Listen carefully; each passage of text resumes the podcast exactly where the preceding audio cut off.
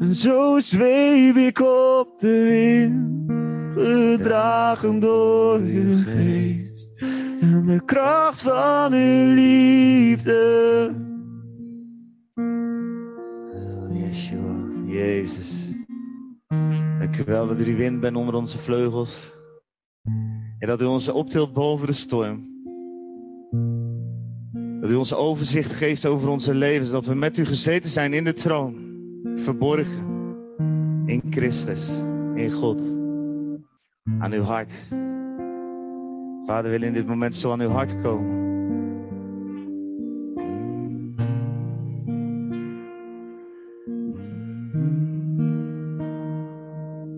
Geef ons een openbaring van uw liefde. Een openbaring van uw goedheid.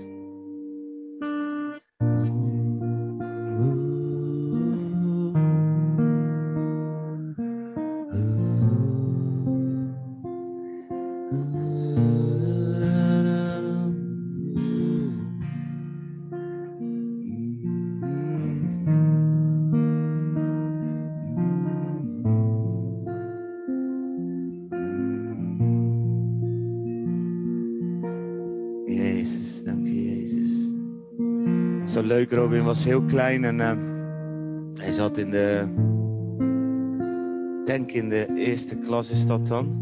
Bij jouw moeder in de klas. En eh, groep 1. En eh, dat was op een reformatorische school. En ehm, ze mochten een liedje zingen. Als ze dat wilden, geloof ik. Of... En eigenlijk waren er maar weinig kinderen die dat zagen zitten. Maar Robin wel, die vond het heerlijk. Ik denk, nou mag ik een keer zingen in de klas.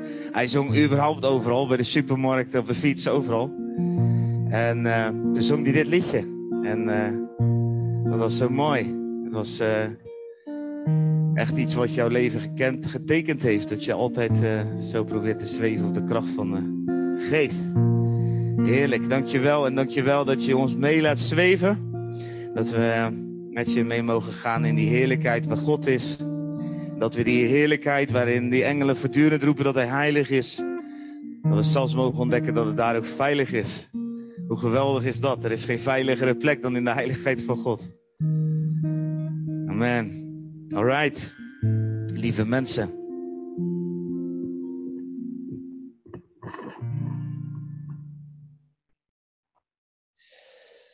Ja.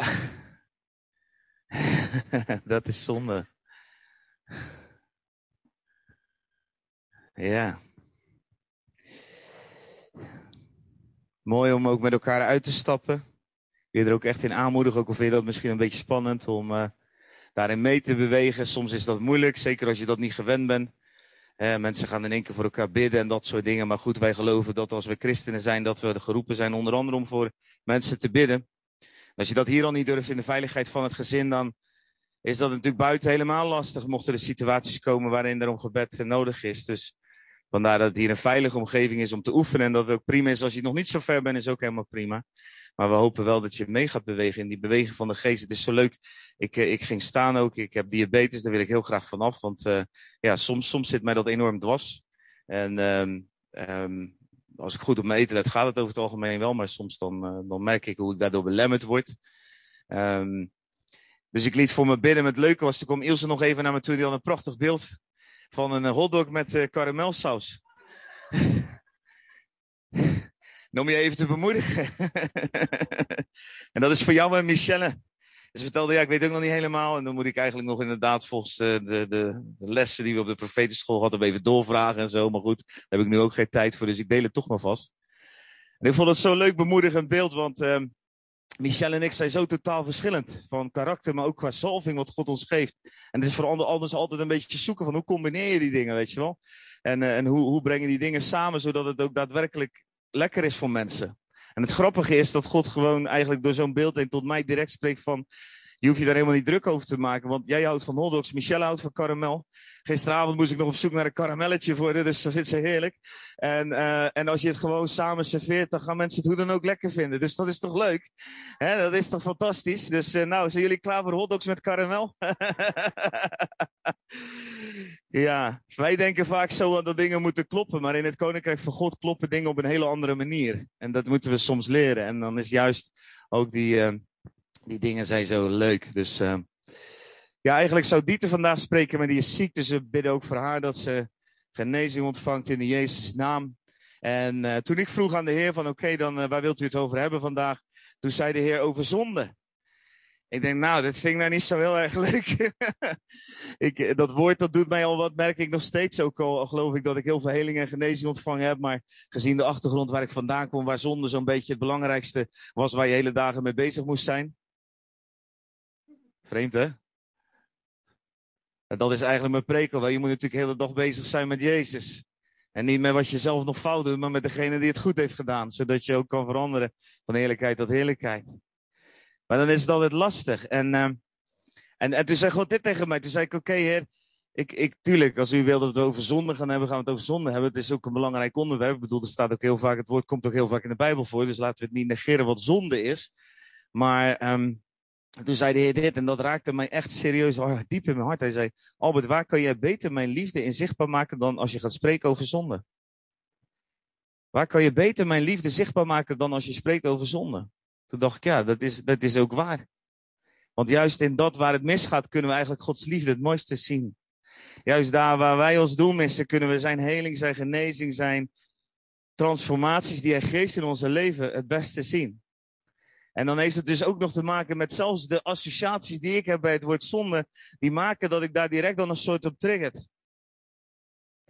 En ik heb gewoon dat is vaak het gevaar. Hè? Als, je, als je ergens vandaan komt of je komt uit een bepaalde. Um, ik heb het vorige week volgens mij ook gezegd. Hè? Soms dan zetten we een bril op. En dat, is dan, zijn één of twee Bijbelteksten of drie. Hè? Dan heb je dubbel focus of triple focus. En dan, dan gaan we door die bril heen gaan we alles bekijken. Dus je zet bijvoorbeeld de bril zonde op. En, en je gaat de hele Bijbel ga je lezen door de bril van zonde heen. Van jouw begrip van zonde. Of van uitverkiezing. Of van veroordeling. Of wat voor bril je ook maar op hebt. Maar als je daaruit komt, dan is altijd het risico dat je doorschiet naar de andere kant. als we ergens van vrijkomen, als we ergens van verlost worden, moet je eigenlijk zo met de geest wandelen om niet door te slaan naar de andere kant. Want dat is een natuurlijke neiging van mensen. En dan worden we dus in plaats van wettisch, zie je dat mensen soms genadisch worden. En genadisch is net zo'n ramp. Ja.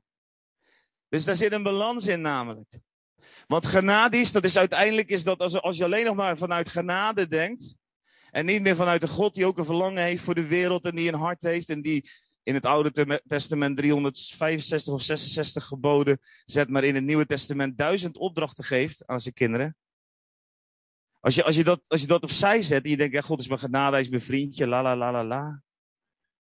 Dan mis je eigenlijk ook ongelooflijk veel. En het leidt uiteindelijk tot apathie. Het leidt uiteindelijk tot een apathisch christendom, wat helemaal niet meer bezig is.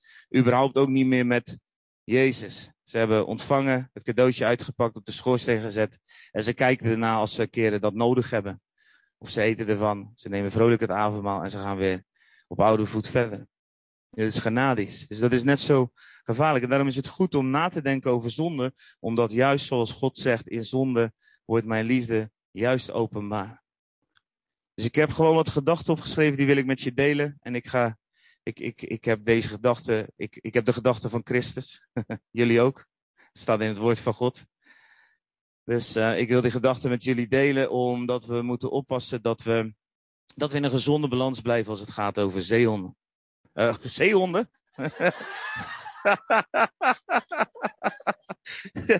Oké. ja, wauw. Revelation. Oh ja. ja, mijn gedachten dwaalden heel even. Fantastisch. Ai, ai, ai. Ai, ai, ai. Ja, als je het over zonde hebt. ja, ik had, sorry. Ik had letterlijk deze gedachte. Ik, ik dacht, kijk, ik heb, gisteren stonden wij bij dit zeehondje. Dat kunnen jullie misschien net niet zien hier. Ik stond nog even wat licht te zetten met een schat van een beestje. Ik moest even kijken, misschien zien jullie het niet, maar kijk anders maar even op onze social media. Dan zien we wel. We kwamen gisteren, waren we op het strand, kwamen dit zeehondje. tegen. En uh, ik, ik zat te denken aan dat zeehondje, want ik denk, ja, dat is ook zonde. Dat beestje. Vandaar dat ik die woorden verhaspelde. het beestje lag daar en uh, zijn, uh, zijn flipper, denk ik dat je dat noemt, was. Hoe noem je het? was het idee het niet helemaal meer. Ik denk, ja, dat is, dat is zonde. Oké, glorie. Het gaat dus niet om zeehonden. het lijden van het dier is wel ook een gevolg van zonde. Hè? Dus dat is ook wel het ernstige als je daar al staat. Overigens, dat raakte mij ook. Als je staat bij het leed van een dier die zelf niet eens een keuze hebben. Dus wij mensen kunnen nog in heel veel dingen keuzes maken. Uh, dieren hebben niet eens die keuzes. Ze zijn maar gewoon willoos eigenlijk over hoe wij met hun omgaan. En hoe wij gesteld zijn om over hen te heersen. En hoe wij met de zeeën omgaan en, enzovoort. Alright. Hoe kom ik nou weer terug zonder die zeehond elke keer in mijn hoofd? Wat is zonde? Het is duidelijk, denk ik, dat we moeten constateren dat de Bijbel um, zegt dat wij allemaal zondigen. Dat staat heel duidelijk in Romeinen 3, vers 10. Er staat, er is niemand rechtvaardig, ook niet één. Er is niemand die verstandig is, niemand die God zoekt. Alles zijn afgedwaald. Samen zijn ze nutteloos geworden. Er is niemand die goed doet. Er is er zelfs niet één. Dat zijn hele heftige woorden. En dat is gewoon de conclusie van God, die uh, kijkt, rondkijkt. En hij kijkt naar hoe wij het doen. Dus nog los van het werk van de geest of het verlossende werk van Jezus, want daar staat hij los van. Dit is gewoon een conclusie van God als hij kijkt naar de mensheid. Dat is heftig. Dus alles wat uit hem voortgekomen is, die zonen en dochters die hij voortgebracht heeft. En, en, en nu kijkt hij ernaar en zegt hij, ja, er is gewoon eigenlijk niemand die echt goed doet. Maar, en dan gaat gelukkig verder, dan gaat het ook over de gerechtigheid van God door het geloof in Jezus Christus. En daar gaan we ook naar kijken. Maar het is belangrijk om, om te beseffen dat wij vanuit onszelf eigenlijk niet in staat zijn tot hele goede dingen. De Bijbel zegt ergens anders, ik dacht in Johannes 5 of in Johannes 15, um, ehm, er is, zonder hem kunnen wij niets. Natuurlijk kunnen we van alles zonder hem. Ik bedoel, dat doen we ook vaak. Dat is zonde. maar vanuit Gods ogen kunnen wij eigenlijk niets zonder hem.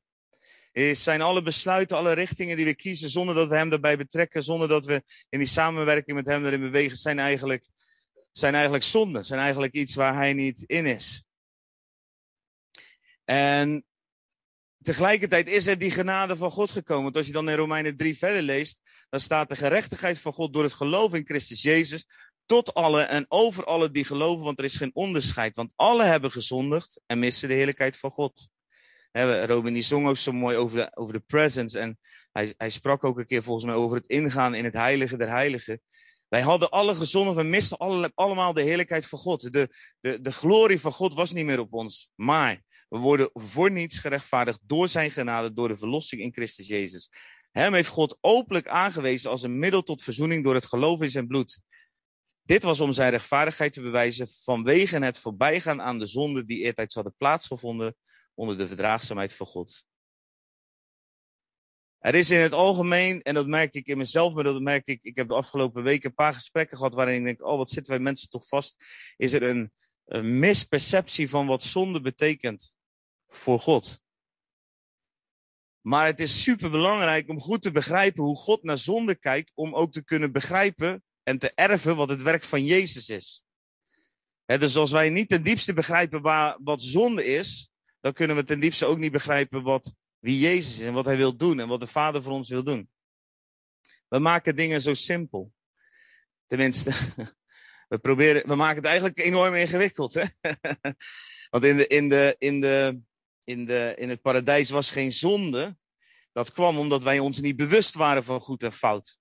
dat betekent niet, bij wijze van spreken, om eens iets heel geks in je gedachten te planten, dat Adam en Eva nooit ruzie maakten. Dat weet ik niet. Dat staat er nergens. Er staat niet dat ze dat wel deden, er staat niet dat ze dat niet deden. Ik heb altijd zo'n idyllisch beeld dat ze achter elkaar aanrennen de hele dagen naakt. Maar dat lijkt mij wel leuk, weet je wel. Maar um, het ging veel meer om het bewustzijn. Wij hadden geen kennis van goed en kwaad. Dus we waren eigenlijk bewusteloze mensen. En Dick Pieterman zegt dat ook altijd zo mooi. We moeten eigenlijk ook weer bewusteloos worden. Als wij bewusteloos zijn, de Bijbel zegt we zijn dood voor de zonde. Als je dood bent, is je bewustzijn weg. dus als wij, als wij ons bewustzijn eigenlijk zo kunnen verlagen, om gek genoeg te zeggen, dat we niet meer voortdurend bezig zijn met dat waarnemen van goed en fout, dan komen we tot de kern met wat, wat zonde is in Gods ogen. Maar wij blijven vaak hangen op dat niveau van goed of fout. En dat komt omdat wij die kennis niet kunnen hanteren. En dan gaan we wegen en wikken. Uh, we gaan anderen vernederen om onszelf te verhogen. Daar hebben we het vorige week ook over gehad. En we, we, pikken sommige zonden eruit en die zetten we dan in een, in, een, in een groot zoeklicht, zodat iedereen kan zien, jij vuile zondaar, jij hebt iets verkeerd gedaan. En, en dan kan de rest weer denken, ja, zo, zo erg heb ik het dan gelukkig nog niet gemaakt in mijn leven, weet je wel. Maar, maar God kijkt zo helemaal niet.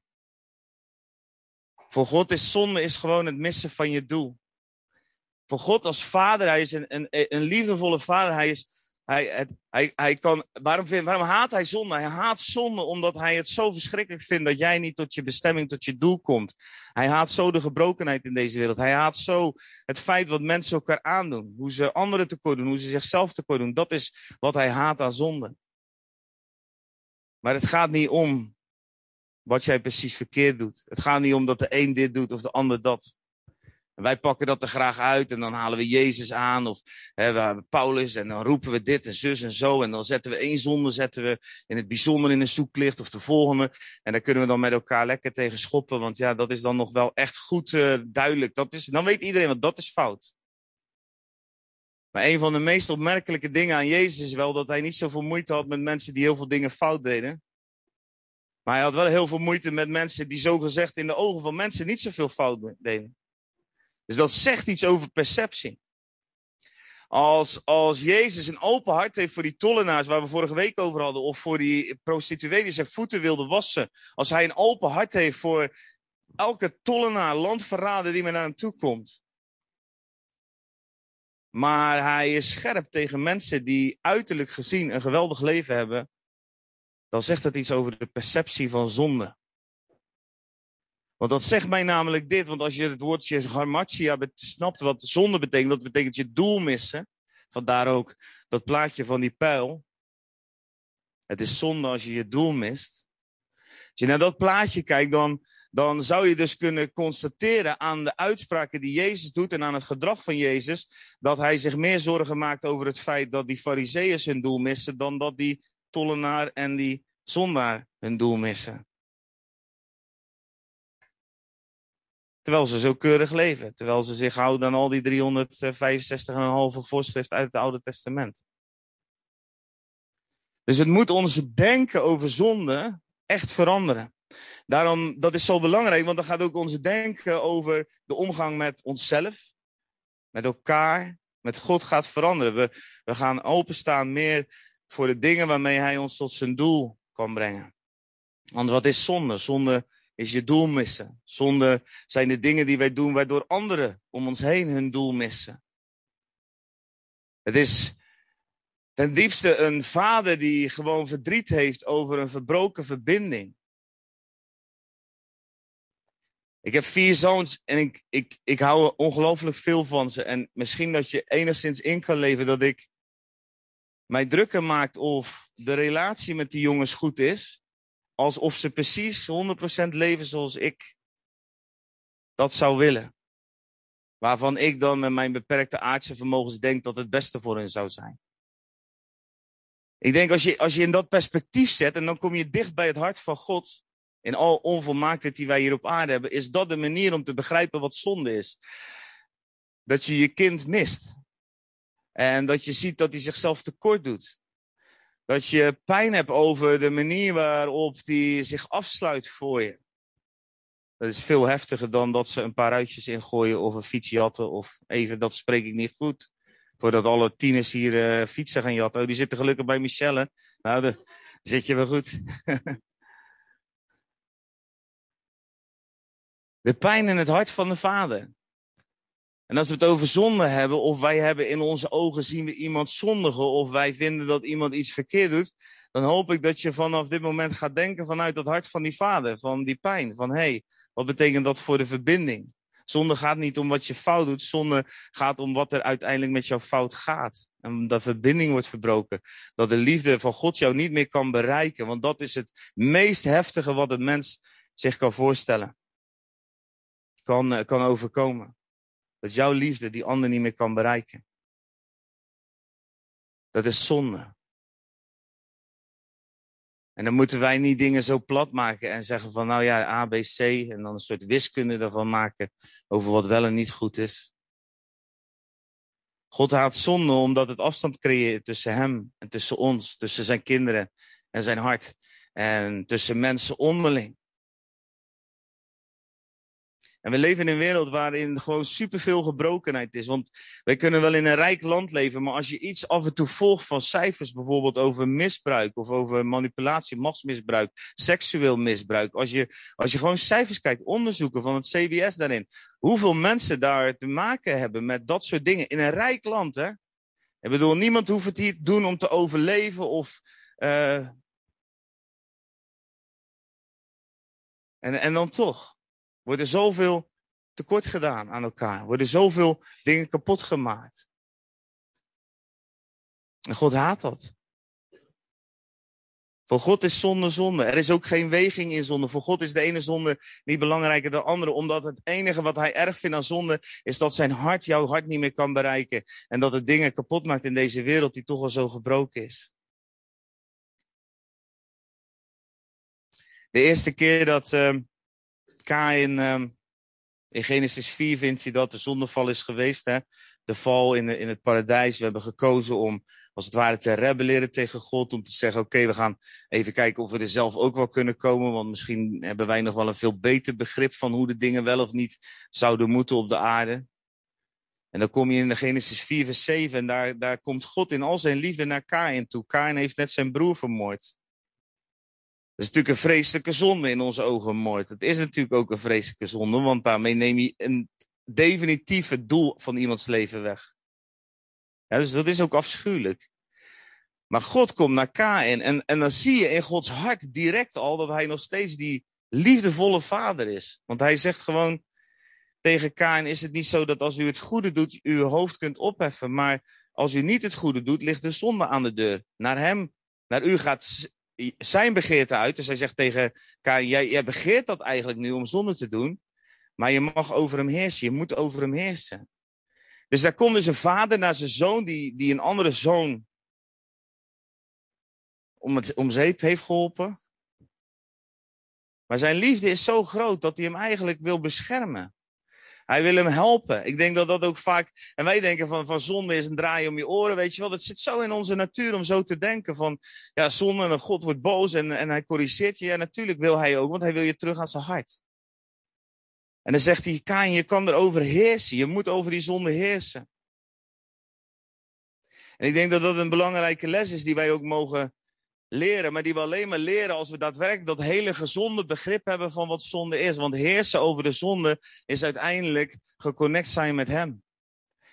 Als wij het hebben over strijden tegen de zonde, tot bloedens toe weerstand bieden enzovoort, dan gaat het er niet om dat je alleen maar bezig bent om die zonde, allemaal die zonde, zonde, en ik mag dat niet, ik mag dit niet, ik mag zus niet, ik mag zo niet. Maar, maar wat je aandacht geeft, groeit. Dus jouw focus nog steeds op wat je niet mag doen. En je bent hele dagen daarmee bezig. Terwijl je eigenlijk je aandacht zou moeten hebben op de oplossing. Op de redding, op Jezus. Op dat wat Hij geeft. Op de, de, de dingen die Hij je geeft om erover te heersen. En de vijand duikt erop. Schuld, schaamte, angst. Ik, ik, ik, er, is, er is nog zoveel schaamte in het lichaam van Christus. Zelfs in dit gezin, hoe wij met elkaar familie zijn, ervaren mensen schaamte over zonde. Ja, en dat, dan denken we, ja, ja, logisch. Dat denken we toch eigenlijk, weet je wel. Ja, ja, ja. Maar, maar eigenlijk is het niet normaal. Het is misschien wel ons normaal, maar het is niet Gods normaal. In de Bijbel staat dit beleid elkaar de zonde en, en er zal genezing zijn, Jacobus 5. En wij maar bidden voor genezing. Ondertussen durven we elkaar nog niet te vertellen waar we mee worstelen, waar we mee strijden of waar we moeite mee hebben. Ondertussen durven we, als dingen bekend worden, niet meer eens in het lichaam van Christus te komen uit bang voor veroordeling. Dat is toch heftig? Terwijl we uiteindelijk allemaal weten dat we zondig zijn. Dat staat daar namelijk. Allemaal hebben we onze fouten. En de ene die doet het alleen veel slimmer. Ja, fariseeën die waren dus in de ogen van Jezus. Hij had liever had hij die zondaars en die tollenaars. Maar ze waren gewoon, ze, ze zondigden slimmer in onze ogen dan, hè? Niet in de ogen van God. Want ze manipuleerden wat af en ze, en ze bulden het volk af. En Jezus zegt, je legt zo'n last op die, op die mensen. Dat kan je zelf niet eens dragen. Maar ja, als je dan met fariseeën bij elkaar zat, kon je wel lekker kletsen over de rest. Heb je die gezien? Die vrouw die is vreemd gegaan. Weet je, wanneer zonde dichtbij komt en je perspectief van zonde pas echt gaat begrijpen als je veel van iemand houdt en het gaat niet goed met diegene. En je ziet iemand wegglijden. Dan begrijp je pas wat God doormaakt, wat het, wat het probleem is, waarom hij het over zonde hebt. En als je nou met die bril van Gods hart, want dat is de bril van Jezus, want dat laat Jezus zien, gaat lezen over zonde. Als je ook met die bril naar je eigen leven leert kijken, dan begrijp je iets van. Weet je, ik heb in de psychiatrie gewerkt lang geleden. Er waren mensen, daar werkten we met verslaafden. En, en die hadden dan, dan de vader en moeders. En die kregen dan ook een soort training. Weet je waarom? Omdat mensen die verslaafd zijn, die kennen hun grenzen niet en die liegen veel. Het is gewoon. Omdat ze zo verslaafd zijn. En, en, en dan, als ze dan bij hun ouders weer terugkwamen, hè, dan waren ze bijvoorbeeld een jaar of 18, 19 en dan, nou ja, dan hadden ze een soort, waren ze weer een beetje op de pootjes gezet en dan gingen ze de maatschappij weer in en dan vrij snel vielen ze terug. Helaas was dat vaak zo. En, en dan gingen ze naar hun ouders en dan gingen ze geld lenen. En die ouders die gaven. Ze wisten wel dat dat eigenlijk niet geen zin had, weet je wel. Maar ze hielden zoveel. Ze wilden die verbinding niet kwijt. En als iemand dan gaat dreigen met ik kom niet meer en ik hou niet meer van je enzovoort. Dan doe je alles. Altijd weer de deuren open. Zelfs als je huis leeggerooft. Ik heb de meest bizarre situaties meegemaakt in de verslavingszorg. Dat is liefde. Dat is de liefde van ouders. Onvolmaakte liefde. En want soms kan het juist heel goed zijn om die grens te zetten. Dat doet God ook in onze levens. Uh, Hebreeën 12 spreekt daar ook over. Dat hij ook eh, ons uh, tuchtigt om te zorgen dat juist wie hij lief heeft. Welke vader die zijn zoon lief heeft, zal hem niet kastijden. Dat hoort er ook bij. Als wij geloven dat God goed is, geloven we ook dat de dingen die hij af en toe in ons leven eventjes waar hij ons doorheen laat gaan, dat die ook goed zijn geloven we dat dingen meewerken ten goede. Dat we er mooier van worden, dat we er heiliger van worden. Wij hadden vier, vijf jaar geleden een moeilijke tijd. Echt een moeilijke tijd. Ik snapte niet wat Gods plan erin was. Ik snapte ook niet wat er goed aan is. En als ik nu kijk in mijn leven, ben ik zoveel dichter bij God nog als dat ik toen al was. En ben ik zoveel meer nog in vrede en in vreugde gegroeid. Hij weet wat goed voor mij is. Soms zelfs als dingen moeilijk zijn. Dat is zo. Dat is, dat is zo. Het, het, mooie is, als je een goede relatie hebt met, uh, met je ouders, met je kinderen en andersom, dan, dan is dat vertrouwen daar. Hè? En dat is precies wat geloof is. Daarom is geloof ook een oplossing voor de zonde. Want als je je vader vertrouwt, vertrouw je ook dat hij het goede met je voor hebt. Volgens mij vorige week nog even gedeeld dat Robin tegen mij zei van ja, weet je, jij vertrouwt de overheid niet zo, je bent wat erg kritisch soms, maar dat komt ook omdat je niet zo lieve vader hebt gehad als dat ik heb gehad, want ik heb daar minder moeite mee. En daar had hij gewoon gelijk in. Los van dat je ook moet leren om op een gezonde manier naar, naar dingen te kijken. Maar dan kan je ook overkritisch zijn door de pijn die je hebt meegekregen. En God die wil die verbinding met ons aan. Hij wil, dat is waarom hij zonde haat. Hij wil in je hart en hij wil jou in jou. Hij wil jouw hart in zijn hart en zijn hart in jouw hart. Hij wil bij je wonen. Woning maken. Zodat je in dit leven vol bent met vreugde, met vrede zodat je in het leven uitdagingen aan kan die ons verstand te boven gaan. Dat is wat God wil. En, en natuurlijk hoort er heiliging bij. Dat is heiliging. Is heiliging is dat je steeds dichter aan zijn hart komt. En hoe dichterbij, hoe meer heilig, hoe, hoe meer veilig. We zongen dat zo mooi. De volmaaktheid is in die presence, maar de zonde die houdt ons daar weg. En ons perspectief van zonde houdt ons daar weg. Michel en ik hebben veel pastoraat gedaan. Dan hadden we veel jongeren die worstelden met onreinheid. Jonge gasten, weet je wel. En dan, dan zeiden ze, ja, elke keer verval ik weer in dat en dat. En daar zaten ze dan mee. En, en terecht, want ik denk dat de Heilige Geest dat werkt in ons hart. En, en, en, dan, en dan, dan zei ik altijd dit, weet je wat? Het helpt niet om voortdurend bezig te zijn om dat niet te doen. Zeg maar, weet je wat je nou moet doen? Als je zelfs al val je in de zonde, zelfs al doe je dingen die je niet wilt doen, hef toch gewoon je handen op. Uh, zelfs al zijn ze nog besmeurd met je eigen rotzooi. Dat zei ik, ik ben altijd een beetje plastisch. Maar het hielp wel, want op dat moment begrepen ze wat ik bedoelde. Want er is een vader die naar je verlangt. En het is die vader die ziet wat jij jezelf aandoet. Het is die vaderliefde die met heel zijn hart naar je uitgaat en die jou wil helpen. En als je in die ogen van die vader kijkt, als je je handen opheft naar de goede kant, dan helpt hij. Keer na keer. Al is het duizend keer. Ga naar hem. Hij is de oplossing. Hij is de volleinder. Hij is degene die met één offer, zegt Hebreeën 10, heeft hij ons geheiligd en tot in eeuwigheid volmaakt. Wij moeten bewusteloos worden. In de ogen van God zijn wij volmaakt. In de ogen van God zijn wij heilig. Wij moeten alleen in die positie gaan staan. Wij moeten daarin gaan leven. En dan, dan vallen heel veel van die dingen vallen weg. We zijn volmaakt. Dat is zo mooi in Filippenzen 3 vers 12. 12 tot 15. Ik lees het even uit de MBG, want daar staat het nog veel mooier als in de herziene statenvertaling. Daar staat, Paulus die zet die twee dingen zo mooi naast elkaar. Niet dat ik het reeds zou verkregen hebben of reeds volmaakt zou zijn, maar ik jaag erna. Of ik het ook grijpen mocht, omdat ik door Christus Jezus gegrepen ben. En dus Paulus zegt niet dat ik al alles heb of dat ik volmaakt ben, maar hij jaagt er wel na. En dan zegt hij even later in vers 14, staat hij, zegt hij, laten wij dan alle die volmaakt zijn, al dus gezind zijn. Dus Paulus die zegt in, in vier uh, teksten zegt hij achter elkaar, we zijn niet volmaakt. Tegelijkertijd zegt hij, we zijn wel volmaakt. Nou, wat is de kunst als wij daadwerkelijk begrijpen wat zonde is? En daarom wil ik met jullie daar vandaag, uh, ik met jullie daarover nadenken.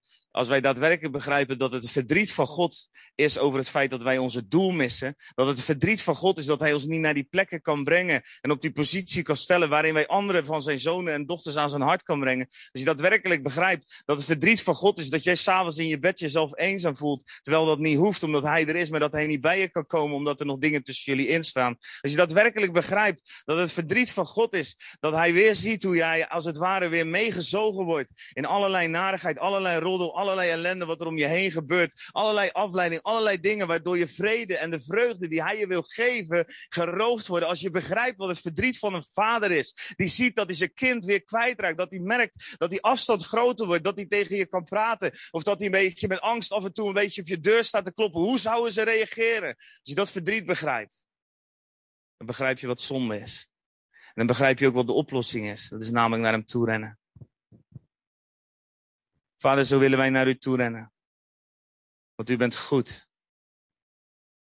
En we willen ons perspectief op zonde willen we radicaal laten vernieuwen. Vernieuw ons denken, Heer, zodat we naar elkaar, naar u en vooral ook naar onszelf anders leren kijken. Heer, ik bid voor een heilig egoïsme. Heer, dat we zo een verlangen zullen hebben dat het met ons goed gaat. Vanuit uw troon. Heer, dat we onze volledige focus op u zullen richten. Dank u wel, Heer, dat u ons wit gewassen heeft, zoals we zo mooi gezongen hebben. U zegt, uw woord zegt het ook. Al waren uw zonden als ze zullen wit worden als sneeuw. Kom, laten wij samen een rechtszaak voeren, zegt de Heer. Al was je zonde als galaken, ze zullen wit worden als sneeuw. Al waren ze rood als karmozijn, ze zullen worden als witte wol. Vader, dank u wel dat we ons mee mogen nemen. Door de Heilige Geest in dat besef. En ik wil de woorden van God ook over je uitspreken. En die staan in Micha 9. Onze zonde werpt u in de diepte van de zee. Alles wat wij doen, wat, wat, wat verwijdering brengt tussen, tussen ons hart en zijn hart. Hij wil het pakken en werpt het in de diepte van de zee. In Hebreeën 8 vers 12 zeggen, want ik zal je ongerechtigheid betreft, zal ik je genadig zijn. Aan je zonde, aan je wetteloos gedrag zal ik beslist niet meer denken. Hij zegt, ik ga daar niet de hele tijd aan zitten denken. Wil jij dat dan ook niet doen? Dat wat tussen ons in staat, ik wil dat niet. Ik wil daar niet over nadenken. Ik wil gewoon terug in je hart komen. Wil jij dan niet de hele tijd die dingen tussen ons terug inzetten? Doordat je ze weer brengt, of dat je ze weer Vader, dank u wel dat u ons helpt om het rechte zicht op uw hart te krijgen. Dat we mogen zien wat betekent, wat vergeving is. Dat we mogen zien wat, dat, wat het betekent dat u een offer heeft gebracht. Wat genoeg is voor alle zonden van de hele wereld. Dat we mogen zien dat we in u volmaakt zijn. Dat we mogen zien dat u ons heiligt. Dat we mogen zien dat u maar één roep heeft vanuit de hemel. Mijn lieve kind, kom aan mijn hart.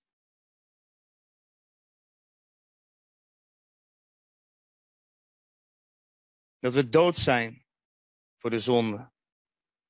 Ons bewustzijn van zonde verlost zijn van dat bewustzijn. 1 Petrus 2 zegt ze hij heeft onze zonde in zijn lichaam gedragen op het hout, opdat wij voor de zonde dood voor gerechtigheid zouden leven.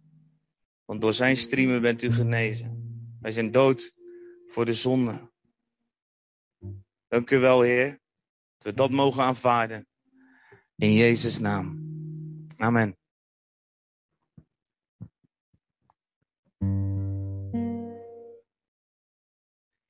Here I am.